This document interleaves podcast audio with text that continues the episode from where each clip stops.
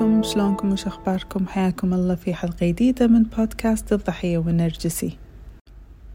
طلبت منكم يوم الخميس تساعدوني في اختيار الموضوع حق حلقة اليوم وتكرر عندي طلب معين. فاليوم راح أتكلم عن هذا الشيء.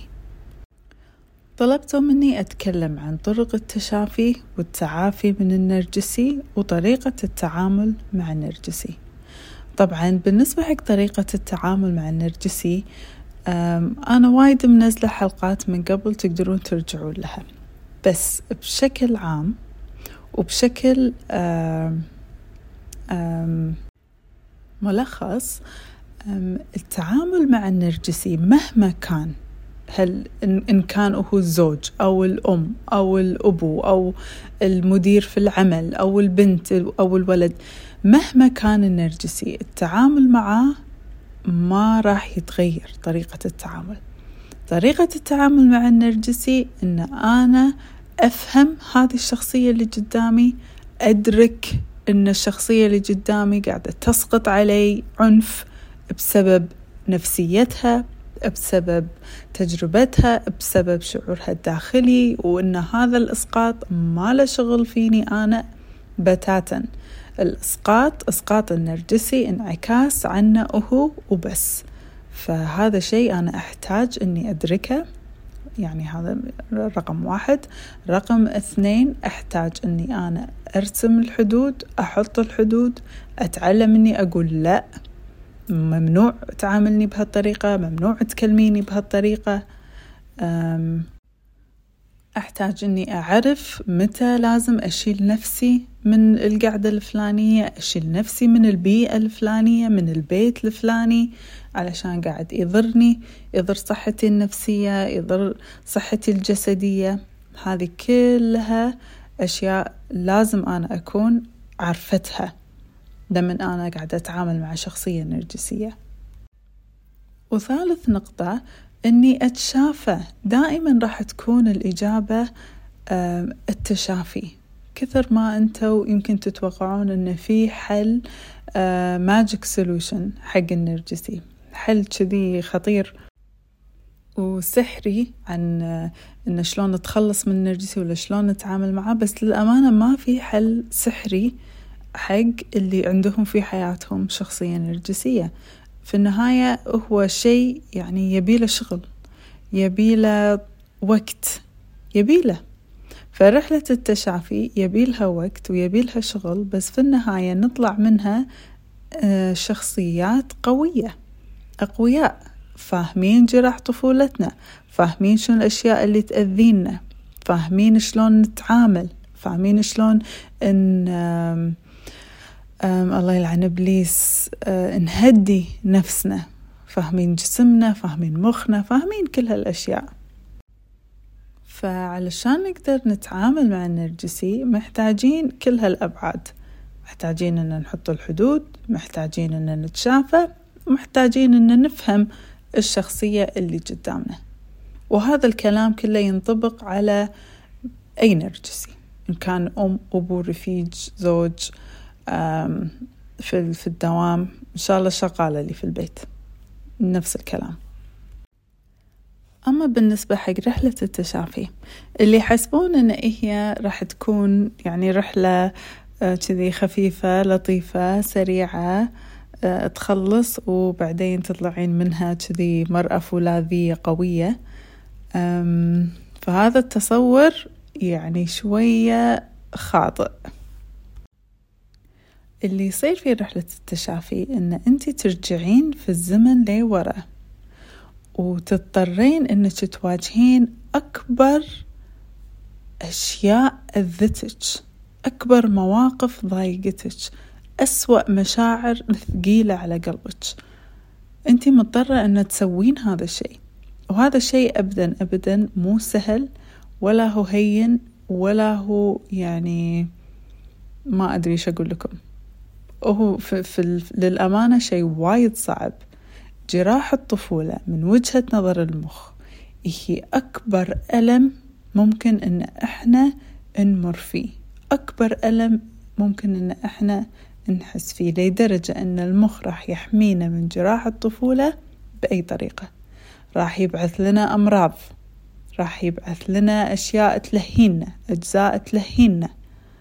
بس في سبيل إن شنو؟ في سبيل إن إحنا ما نشعر بألم جراح الطفولة. فلازم تعرفون وتدركون إن هذا شيء صعب. إن أنا أرد حق الماضي وأواجه جراح طفولتي شيء وايد صعب وثقيل.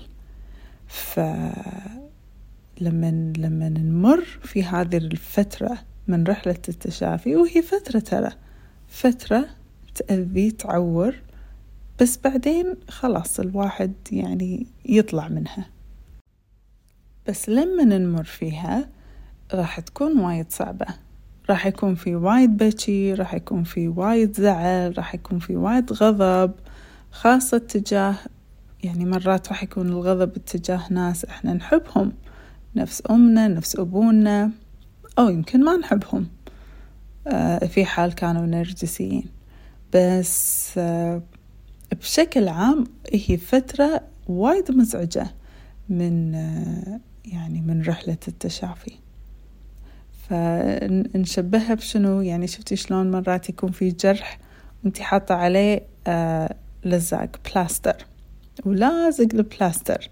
شلون راح تشيلينه؟ نتفة نتفة نتفة عشان ما يعورك ولا مرة واحدة كذي تشلعينه وأوف يعور.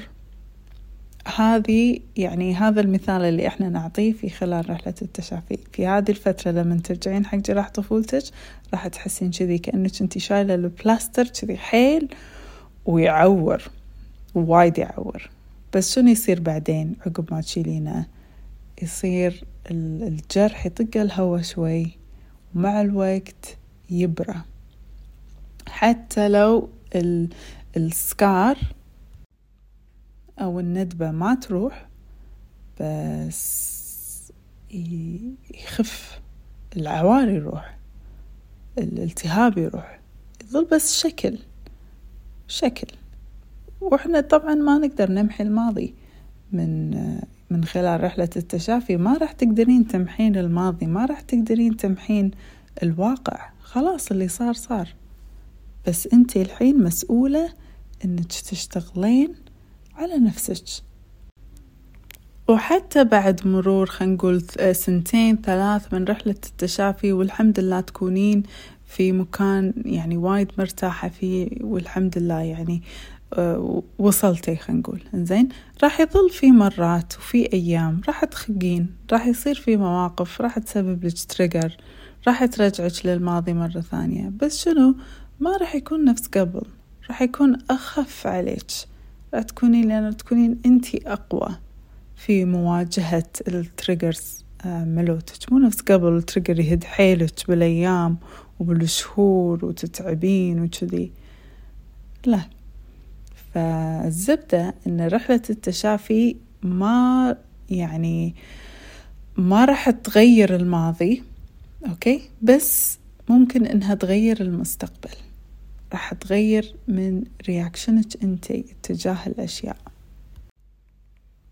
وطبعا على ما توصلين هذه المرحلة يبيلها شغل يبيلها وقت يبيلها يبيلها ما راح تصير من نفسها ما راح التشافي يمشي على ريلين ويقعد بحضنك. ما راح يصير هالشي أنت لازم تسعي له. أنت لازم كل يوم تتخذين قرارات من صالح نفسك.